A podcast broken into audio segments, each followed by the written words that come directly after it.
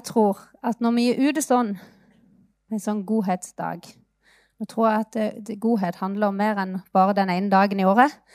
Jeg tror det skal være en del av vår karakter fordi Gud er god, og Gud har eh, gjort noe nytt i oss. Men når vi er ute sånn på en godhetsdag, eller hva det måtte være, så skjer det mirakler i menneskets liv. Har du tenkt på det? Det er ikke bare de tingene som blir gjort. Det er ikke bare at hagen ble fin, men det skjer noe i de menneskene som får oppleve at noen er gode mot dem uten at de har fortjent det.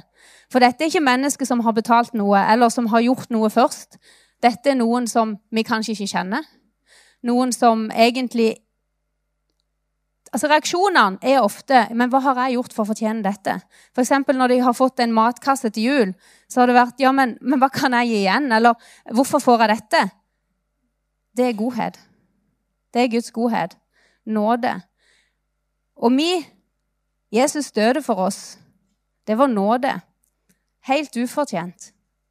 Og vi kan få lov å gi den godheten videre fordi at Gud bor i oss. Ikke fordi at vi skal prøve å streve og finne på masse ting, men fordi det er et levende liv gjennom oss. Og det er jo det det handler om. Så jeg har bare lyst til at når jeg taler i dag, for jeg skal snakke om dette, så jeg har bare lyst til at du skal tenke at ja, men dette er jo det gudslivet som flyter gjennom meg. For det er, ikke, det er ikke et strev eller en prestasjon, men det handler om å leve livet i relasjon med Jesus. Og da kan man møte mennesker som man kanskje ikke hadde trodd man skulle møte. Og så skjer det et mirakel i det møtet. Ikke på grunn av det. Jo, på grunn av, kanskje av at du stopper opp, men på grunn av det livet som Jesus lever gjennom det, som Gud lever gjennom det.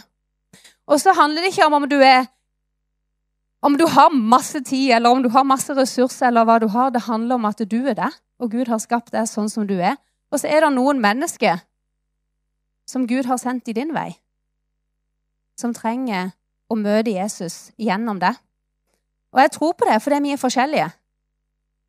Det, jeg tror det er sånn at det er noen som Grete kan møte på en helt annen måte, en mye bedre måte enn det kanskje jeg kan møte dem. Fordi vi er så forskjellige. Men så handler det om det livet Jesus har i oss, det som lever ut av oss, eller det som flyr ut av oss. Eh, jeg har en sånn vanvittig lengsel etter å bare se Altså forstå og se mer av hva Gud egentlig har gjort for oss. Bare få en større åpenbaring, at vi skal få en større åpenbaring av hva Jesu verk på korset egentlig betyr. Eller hva, altså hva Guds kjærlighet betyr for oss. Hvor stor Guds kjærlighet er. At det på en måte er en sånn At ikke bare at En lengsel etter at menigheten, at vi, at vi kristne i Lyngdal skal forstå mer av det som Gud har for oss. Eh, I Efeserne 3, 18-21 så står det For at dere skal være i stand til å fatte sammen med alle de hellige, sammen med alle de hellige, hvor stor bredden og lengden og dybden og høyden er, og kjenne Kristi kjærlighet, som overgår all kunnskap, for at dere skal bli fulgt til hele Guds fylde, han som er i stand til å gjøre langt mer enn det vi ber om eller forstår, etter det, den kraft som virker i oss. Ham tilhører æren i menigheten som er i Kristus Jesus, gjennom alle slekter i evigheters evighet. Amen. Når det står det, så tror jeg at vi faktisk sammen kan fatte lengden, høyden, bredden og dybden av Guds kjærlighet. For det står 'for at dere kan'. Jeg tror at sammen så kan vi få en åpenbaring av hva Guds kjærlighet egentlig er. Hva den innbefatter. Hvis ikke så hadde det ikke stått. Jeg tror det. Og så, og så er det ikke bare Guds kjærlighet, men Paulus snakker òg om at det er den samme kraften som reiste Jesus opp fra de døde, som bor i oss. Og det er Altså, når vi da Ja, jeg må lese det først. Det står i Efeserne 1, 17-23. Det er Paulus' bønn til, for efeserne. Og jeg tenker det er det er min bønn for oss. Jeg har bare kjent på det så mange ganger når jeg ber at dette er min bønn for oss. Jeg ber om at vår Herre Jesu, Kristi Gud, herlighetens Far, må gi dere visdom og åpenbaringsånd i erkjennelsen av Han, at deres forstands øyne blir opplyst, slik at dere kan forstå hvilke håp dere fikk ved Hans kall, og hvor rik på herlighet Hans arv er blant de hellige, og, hvor, og forstå hvor overveldende stor hans kraft er for oss som tror, etter virkningen av hans mektige kraft. Det var denne han lot virke i Kristus, da han reiste han opp fra de døde og satte ham ved sin høyre hånd i den himmelske verden, høyt over all myndighet og makt, kraft og herredømme over hvert navn som nevnes, ikke bare i denne tidsalder, men også i den kommende, og han la alle ting under hans føtter og ga ham til menigheten, menigheten som hode over alle ting, menigheten som er hans kropp, fylden av ham som fyller alt i alle. Utrolig med Jesu død på, død på korset, med at han satte oss fri, med at han valgte å betale prisen for oss, så har Gud gitt oss alt sammen med han. Og dette livet her, det er jo det som skal flyte ut. Når vi har gått gjennom Efeserne, så har vi snakka om å sitte, vandre, stå. Jeg skal snakke litt om å vandre. Altså, Vi har fått noe i Han. Og så er det det livet vi skal leve ut. Kristenlivet er ikke et strev. Det er ikke sånn at nå skal jeg si ja, nå må du gå i en hage hver eneste dag, og så skal du hjelpe noen. Det er ikke det det handler om. Men det handler om at Jesu liv, Guds liv, får leve gjennom det. For han har tatt bolig i det. Og det er jo det vi opplever så fantastisk når vi er ute på disse, har hatt disse godhetsdagene. Mandal skal forresten ha en godhetsuke i år. Eh, de hiver seg på og henger på Lyngdal, og så kjører de på med ei hel uke på en gang. Jeg syns de er sporty. Eh, men det vi opplever når vi er på de godhetsdagene, det er jo at vi ser hvordan mennesket blir møtt av Gud. For det, det, det, er ikke det at, det er ikke dette hagearbeidet eller Det er ikke det som rører dem mest, men det er den godheten som på en måte er sånn helt ufortjent. Den kjærlighet som ikke de forstår. Det er noe mer der. Og det er jo det responsen er. Hva er dette for noe? Men så kan vi få lov å leve det livet fordi Jesus lever gjennom oss. Han lever i oss.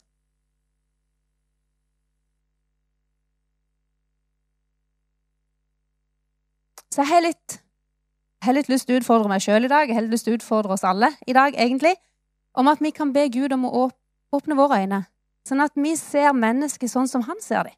Sånn at vi ser oss sjøl sånn som han ser oss. Fordi at det er gjennom hans åpenbaring av hans kjærlighet gjennom det han har gjort for oss, at vi kan berøre mennesket med han. For hvem er, det er vi som er Jesu kropp på jorda. Og gjennom oss så virker Gud. Gjennom oss så møter han mennesket. Gjennom handling, gjennom ord. Men vi kan ikke gjøre noe. Det er Gud som gjør det gjennom oss. På veggen her så står det 'raus', inkluderende, åpen, helhjertet og tilbedende. Og det er jo, det er litt sånn Tenk på det, det er litt store ord. Altså, det utfordrer meg. Det utfordrer meg veldig, faktisk.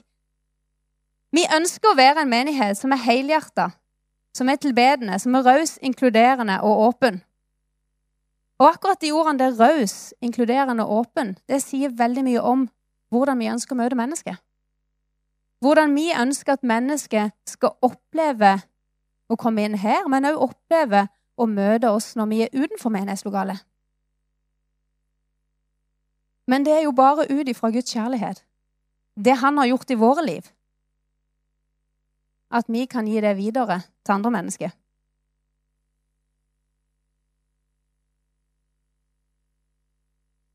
Og da vil mennesket oppleves akseptert, verdifulle, tatt imot, inkludert, verdsatt. Og det handler jo om å se mennesket gjennom Guds øyne.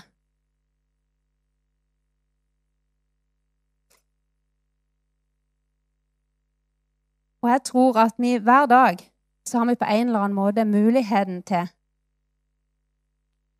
å vise godhet eller raushet overfor mennesket. Og det trenger ikke være de kjempestore tingene. Det kan være å slippe noen foran deg i køa, som du ser er stressa på butikken. Eh, det kan være å smile til noen. Eh, det kan være å gi et positivt ord til noen. Eh, det kan være å backe noen opp som du ser er litt nedfor. Det kan være så mange ting. Det kan òg være de store tingene. Men det trenger ikke å være det. For det fins sånne små hverdagsmirakler hvor kanskje den ene lille tingen, den, det ene smilet, forandrer hele den, altså den personens sin dag. Og ikke, kanskje ikke bare dag heller, men kanskje det var det som skulle til for at den tålte å gå videre og ikke gi opp. Og jeg tror vi alle har opplevd det. At noen ganger så har vi bare sagt en ting eller gjort en ting eller klappa noen på skuldra eller et eller annet, og så har vi fått tilbakemelding at det du gjorde der, vet du noe, det endra min dag. Det gjorde at jeg faktisk tålte å gå inn i den situasjonen. Det gjorde at jeg ga ikke opp. Jeg tror vi alle har vært der, og vi har alle kanskje òg opplevd at noen har backa oss opp på den måten. Jeg har i hvert fall det. Plutselig fått en bekreftelse på at ja, det er denne veien jeg skal gå. Den personen hadde ikke trengt å si noen ting, men så var det kanskje det som skulle til for at jeg tålte å ta det steget. Og det er å leve ut. Det trenger ikke være de store tingene. Å slippe noen foran seg på butikken det krever bare at vi har litt tid når vi går på butikken. Og det er det ikke alt vi har.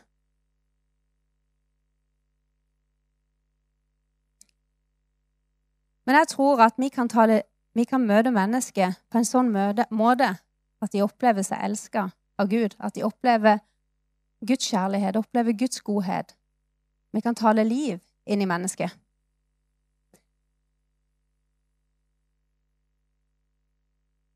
Så ta, talen heter godhet og raushet i møte med mennesket. Når jeg sier de ordene utfordrer meg, så utfordrer det meg fordi at Litt på grunn av dette med tid. Fordi at det er ikke alltid jeg føler jeg har tid til å stoppe opp. Eller det er ikke alltid jeg føler at eh, jeg har det overskuddet. Men så jeg det, har jeg tenkt noen ganger at jeg kan gjøre det jeg kan gjøre. For det handler ikke om at jeg skal møte alle, men det handler om at hvis jeg møter noen, kanskje tre, så møter jeg kanskje Grete tre eller ti og så møter jeg de andre, så blir det så veldig stort når vi alle lever på den måten og tenker at vi skal bare backe noen opp, løfte noen fram eller løfte noen opp.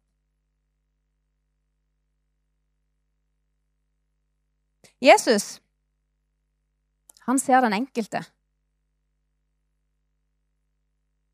Det er ikke sånn at han bare ser mengden her inne. Og så fint at det var så mange samla her i dag. Han gjør det, men han ser den enkelte. Han ser Miriam, han ser Leif Arne, han ser Thomas. Han ser hver enkelt av oss der vi er. Og sånn er det òg med alle de som er ikke er her. Jesus ser den enkelte. Og når, vi, når, vi les, altså når jeg leser evangeliene, så fascinerer det meg hvordan dette er på en måte stadig det Jesus gjør. Han ser den enkelte. Eh, han ser eh, mennesker akkurat der de er. Han møter dem akkurat der de er. Noen ganger så bøyer han seg ned. Jeg leser at han bøyde seg ned, og så møtte mennesket der de var. Eh, dette var mennesker som samfunnet kanskje hadde utstøtt. Det er jo ganske fascinerende når Jesus møter spedalske. Eh, spedalske var utstøtt av samfunnet, og en av grunnene var jo at det smitta veldig. Men det var jo, altså de trodde de ble ureine uansett. ikke sant? Altså Det var sånn det var, det var sånn loven var. Men Jesus rører med dem. Sant? Tenk den forskjellen det betydde for de menneskene som var utstøtt av samfunnet. Som ikke hadde kontakt med noen, som måtte ha i bjellen hver gang de kom inn i byen, sånn at folk skulle høre at de kom. Og så rører Jesus ved dem. Og så blir de helbreda. Og så får de hele livet forvandla. Han så den enkelte. Han så Sakkeus i treet. Han så kvinner med brønnen. Han ser den kvinna som rører med kappen. Det er ikke sånn at han bare skyndte seg videre når han kjenner at en kraft Da står at han kjente en kraft for ut av ham. Og så stopper han opp, og så spør han hvem var det Det er ikke sånn at han bare skyndte seg videre. Han hadde noe han skulle gjøre, men han stopper opp. Og så så han den ene kvinna i den store folkemengden. Jesus møtte mennesket med kjærlighet og respekt. Han møtte det ikke sånn som de hadde opplevd å bli møtt før, med at folk pekte på feilene. Eller på hvor dårlig det var, hvor galt livet hadde gått. Men han, pe han pekte på Gud. Han pekte på de sin verdi.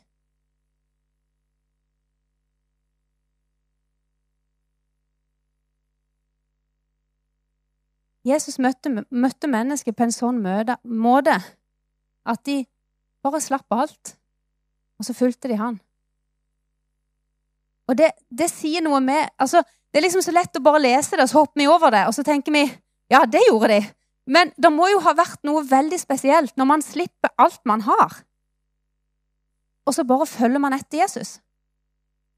Da må det ha vært mer enn ord. De må ha opplevd noe som bare har gjort en forvandling i de sitt liv, som har gjort at de faktisk forlater alle tingene de har, fiskebåten, eh, hva det måtte være, så bare går de. Det betyr jo at de faktisk ikke hadde noe lenger. De oppga alt, og så fulgte de han. De opplevde at han møtte de uten fordømmelse. Han så de sånn som, sånn som de var. Han møtte de med kjærlighet fordi de var de, ikke av ting de hadde gjort. Og så omvender de seg.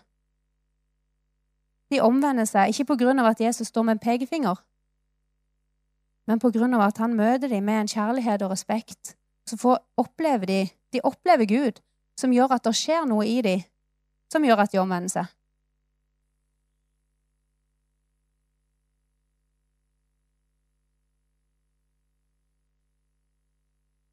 Jesus døde for alle mennesker. Absolutt alle mennesker. Han betalte akkurat den samme prisen for oss alle. Det er ikke sånn at prisen var høyere for den rike og mindre for den fattige. Nei, det var akkurat den samme prisen. Det var Jesus som måtte dø på korset og ta på seg all smerte, all sykdom, all skyld, all skam. Straffen lå på ham for at vi skulle ha fred, står det. Samme prisen for alle. Og så står det i Forkynneren at evigheten har han lagt ned i deres hjerter. Jeg tror at alle mennesker lengter etter det ekte. Lengter etter det som Ja, lengter etter det ekte, og det som er ekte, det er det bare Gud som har. Det er Gud som er det ekte. Men hvis vi ser på hvordan mennesker søker i dag, så søker mennesker etter, etter det de lengter etter, men de vet ikke helt hvor de kan finne det. De søker overalt. Og så vet vi at Gud, han har faktisk gjort det ferdig. Så har han lagt det ekte ned i oss, den ekte kjærligheten, den ekte freden. Det som mennesket går rundt og lengter etter.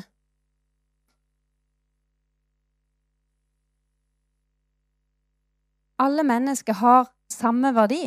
Dette var en av de tingene som når jeg ble frelst, eller før jeg ble frelst, så var det noe av det som gjorde at jeg faktisk søkte nærmere.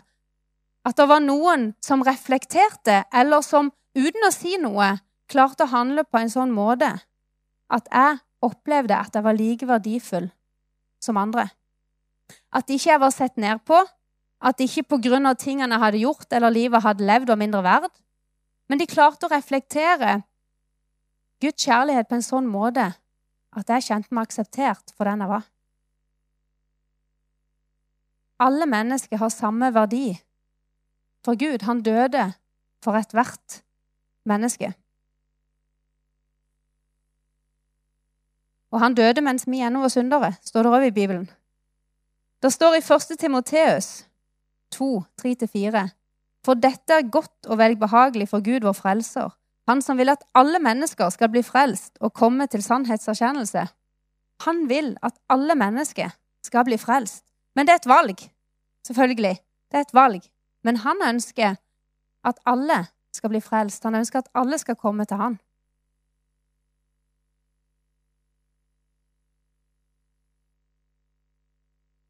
Jakob skriver Jakob 2, 1-4. Mine brødre, dere kan ikke fastholde troen på vår Herre Jesu Kristi, Kristus, herlighetens Herre, samtidig som dere gjør forskjell på folk. For hvis det skulle komme en mann med gullring inn i forsamlingen deres i fine klær, og det også skulle komme inn en fattig mann i skitne klær, og dere viser ham oppmerksomhet som går med de fine klærne og sier til ham, du kan sitte her på en god plass, og dere sier til den fattige mannen, sett deg her ved fotskammelen min, har dere ikke da vist dere at dere gjør forskjell på folk, og at dere er blitt dommere med onde tanker? Det er ganske tøffe ord. Men jeg tenker at når Jakob skriver dette, så handler det om at det var en utfordring akkurat der. Men så tenkte jeg Er det en utfordring for meg? Gjør jeg forskjell på folk? Setter jeg en, en verdi på noen og en annen verdi på noen andre? Eller plasserer en tiår, altså toppverdi, i panna på alle? Hva gjør jeg? Altså, det er, ut, det er utfordrende.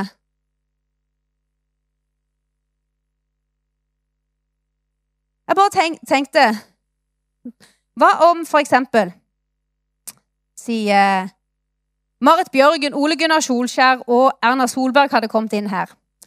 Eh, nå tar vi vanlige norske personer, men som er litt kjent.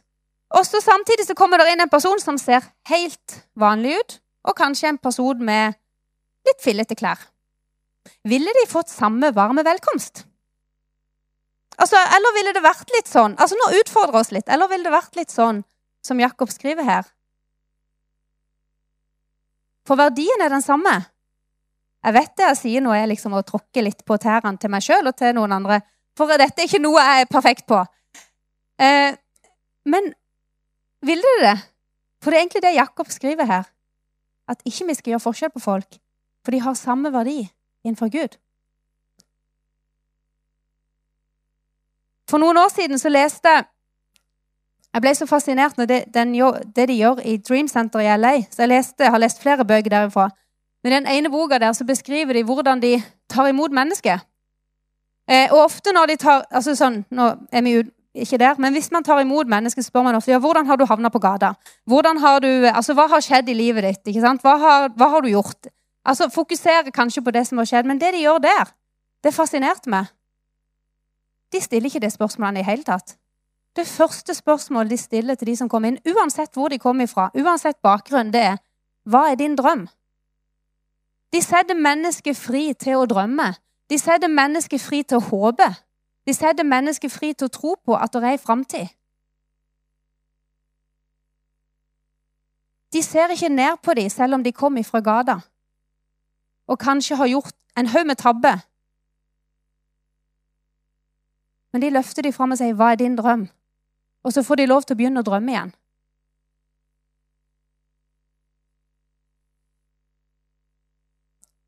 Og så leste jeg just faktisk en bok av Sebastian Stakset, det er det han heter, fra Sverige, hvor han forteller om hvordan han møtte Jesus, ble forvandla, fikk livet forvandla, totalforvandla.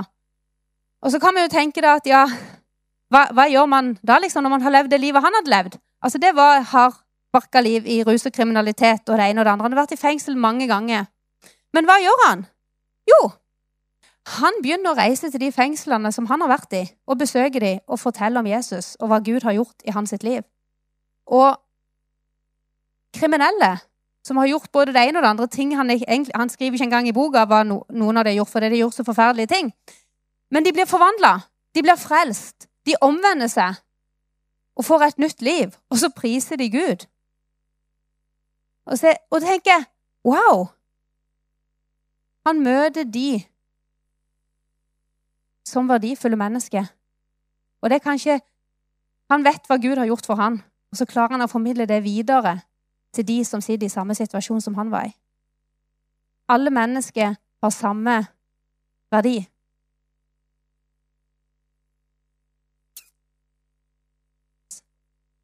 Hvordan hadde det vært hvis Jesus sånn fysisk sett hadde kommet, vært her i Lyngdal? Så vi bare tenker at det var liksom, Nå gikk Jesus rundt her i Lyngdal. Hvor hadde han vært? Jeg har tenkt på det noen ganger. Hvor hadde han vært? Jeg tror han hadde vært på de stedene hvor folk befinner seg. Hvor folk som kanskje har fått livet knust, befinner seg. Hvor eh, folk som, ikke, som, søker, som ikke helt klare å finne ut hvor de skal. Mennesker som livet bare har gått helt skeis for. Eller kanskje den ensomme som sitter hjemme og ikke har noen. Eller kanskje den familien hvor det er sykdom som har tatt dem. Altså, Jesus er, hadde vært der som mennesket er. Det var i hvert fall det han gjorde når han gikk rundt på jorda. Så gikk han der menneskene var. Han møtte menneskene der de var. Og det er jo fordi at hver enkelt er viktig. Jeg har så lett for å bli opptatt av de som er nærmest. Og det er lett. Det er lett for oss alle. Men så tenker jeg at noen ganger så må jeg utfordre meg sjøl til å kanskje tenke litt lenger.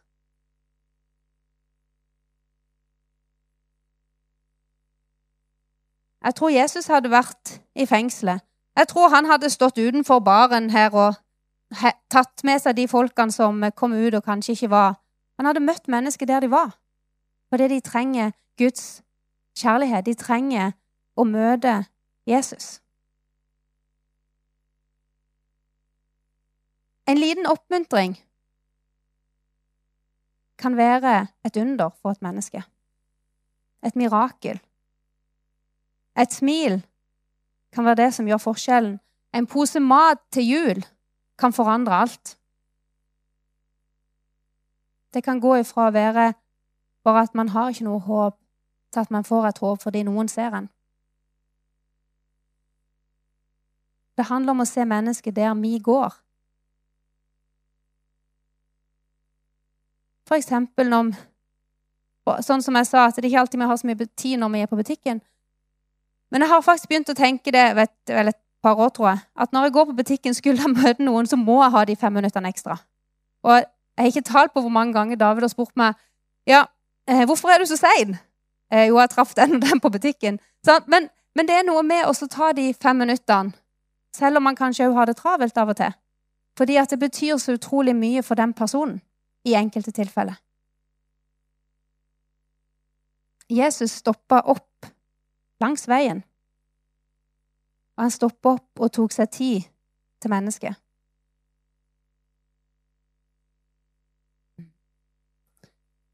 Det står i Matteus 20, 29-34. Da de dro ut av Jeriko, fulgte mye folk med ham.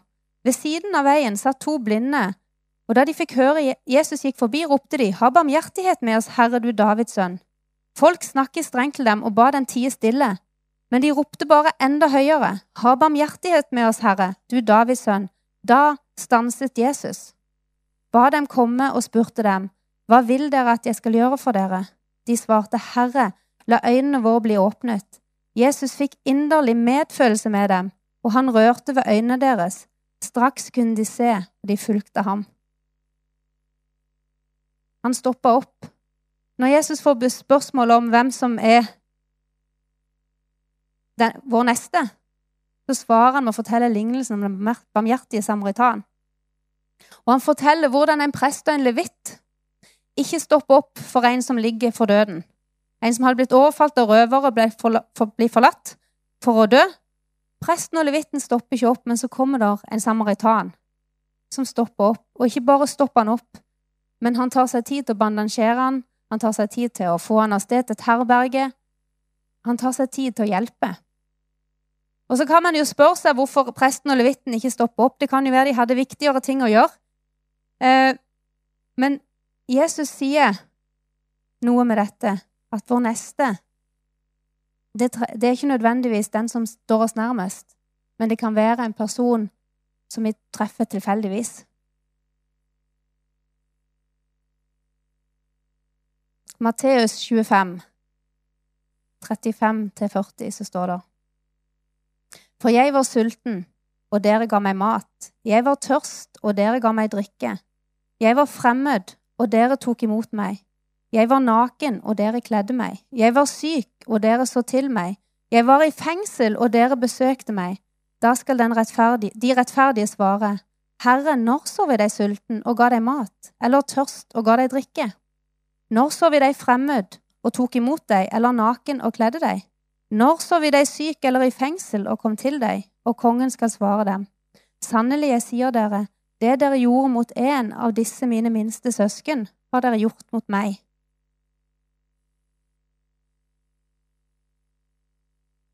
En liten ting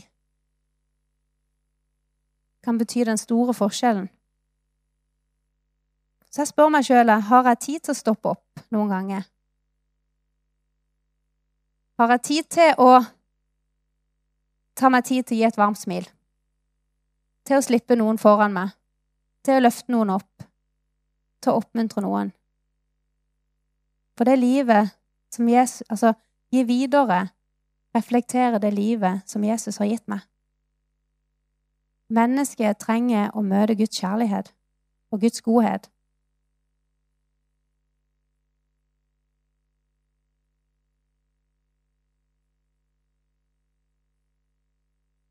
Vi kan få lov å være åpen for at Gud taler i hverdagen og leder oss til mennesket. Raushet og godhet i møte med mennesket det handler om å tåle så vel som å gjøre. Det handler om å tåle forskjeller. Det handler om å tåle andre uttrykksformer. Andre forskjellige ting. Det handler om å tørre å gi av hjertet. Det handler om å ha plass i hjertet. Vi ønsker, vi ønsker å være en menighet som er rause, og som er åpne, og som er inkluderende mot mennesker. Vi ønsker å være en menighet som viser Guds kjærlighet. Hvor Guds kjærlighet får lov å bare flyte mellom oss. For det er jo Guds, det står i Bibelen at han har utøst sin kjærlighet i våre hjerter.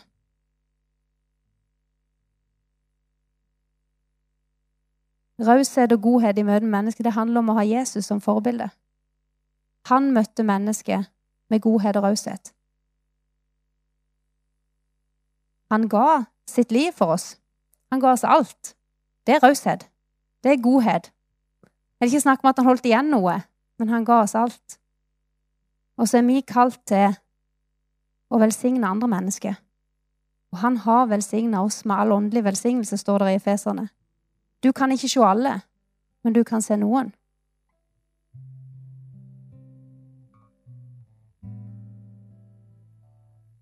Og så kan den som sitter ved siden av deg nå, kanskje se noen andre.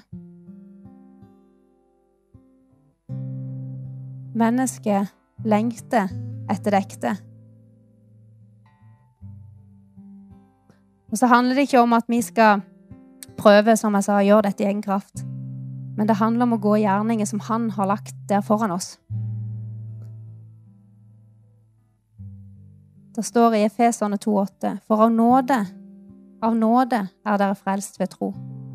Det er ikke deres eget verk, men Guds gave. Det hviler ikke på gjerninger, for at ingen skal skryte av seg selv. For vi er Hans verk, skapt i Kristus Jesus til gode gjerninger, som Gud på forhånd har lagt ferdige for at vi skulle vandre i dem. Det ligger der. Gud legger det foran oss, og så leder han oss. Og så kan vi få lov å bare si ja, Gud. Jeg ønsker å gå der du vil jeg skal gå. Jeg ønsker å ta de skrittene som du vil jeg skal gå. Jeg ønsker å se de menneskene som du leder meg til. Jeg ønsker å åpne hjertet mitt og tørre og gi av meg sjøl til de menneskene som du viser meg. Kjære Jesus, jeg takker deg for du er her. Takk for din kjærlighet, Herre. Takk for din godhet. Takk for din raushet. Takk for din ledelse.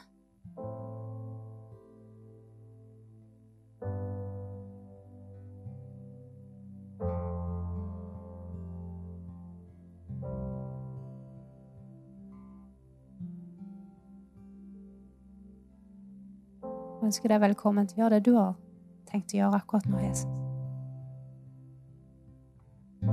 Og åpne i våre hjerter for deg.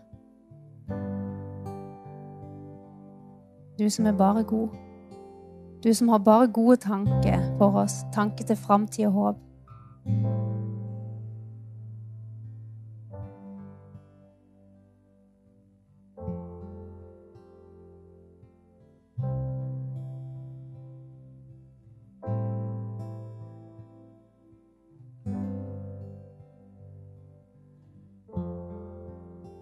Ønsker å være en person som reflekterer Guds godhet og kjærlighet.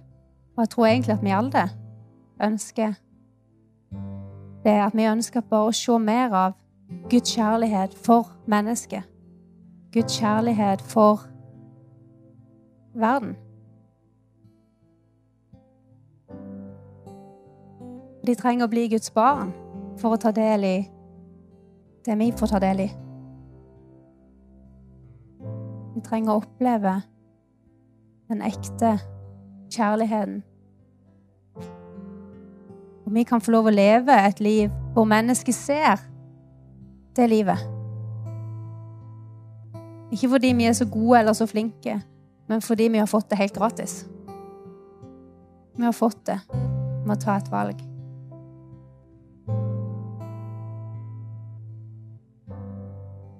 Jeg vil bare oppmuntre deg til å Til å be Gud åpne dine øyne.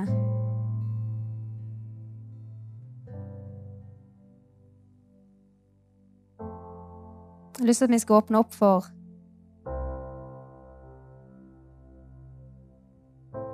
litt forbønn.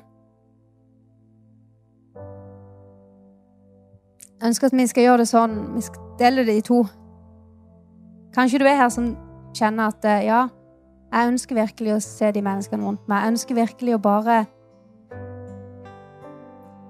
gjøre de små tingene som Gud leder meg til. Så kan du få lov å ta et skritt ut og bare altså, Hvis du kjenner at jeg trenger å ta et skritt for å gjøre det Du kan òg få lov å være i benkeradene. Det er helt OK.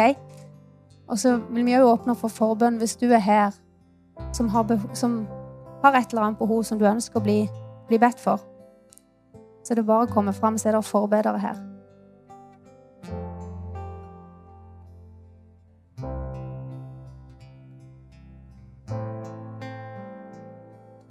Mitt liv ble forvandla fordi det var én person som tørte å se meg på en annen måte enn alle andre så meg. Som vågde å ta meg med i en gjeng selv om jeg var veldig annerledes. Som vågde å tro på meg og løfte meg opp, til tross for at livet mitt ikke så helt bra ut. Hun viste meg Guds kjærlighet i praksis. Og det har gjort et så vanvittig inntrykk på meg. Jeg begynner nesten å grine. kjenner jeg. Det er ikke ofte jeg gjør det på scenen. Men det har gjort et så vanvittig inntrykk på meg. Fordi at jeg har sett hvor stor kraft det er i det at vi tør å ta det skrittet og våge å være der for én person. Fordi det forvandler liv. Det at vi våger å gå litt dypere enn bare hei, men at vi våger å si du, jeg står her med deg akkurat nå. Det at vi våger å la Gud slippe til og bare flyte ut gjennom livene våre. At vi tør å si ja, Jesus. For det, de skaper mirakler. Det skjer mirakler i menneskers liv. Så la oss være en menighet la oss, hvor mennesket opplever å bli sett. Hvor mennesket opplever at de er like verdifulle som alle andre, uavhengig av hvor de kommer ifra. Uavhengig av hvor mye penger de har, eller hvilken jobb de har, eller hvilken historie de har. Men at de er like verdifulle, at de oppleves akseptert og respektert for den de er. La Jesus takke deg for din kjærlighet. La din kjærlighet bare bli synlig midt iblant oss, her. Takk, Herre, for at vi kan be om å forstå og sammenfatte lengden, dybden og bredden og høyden av din kjærlighet, Herre. Jeg ber om at du åpner våre øyne, så vi ser mer av hva ditt verk betyr, Herre. Så vi kan se menneskene rundt oss sånn som du ser de, Herre. Så vi kan se oss sjøl sånn som du ser oss. Takk, Herre, for det handler ikke om våre prestasjoner, men det handler om ditt liv i oss, Herre. Hvem vi er i deg, Jesus. Og den kjærligheten som du har lagt ned i oss. Takk, Jesus. Da er det åpent her framme. Det er bare å komme fram, og så priser vi Gud sammen.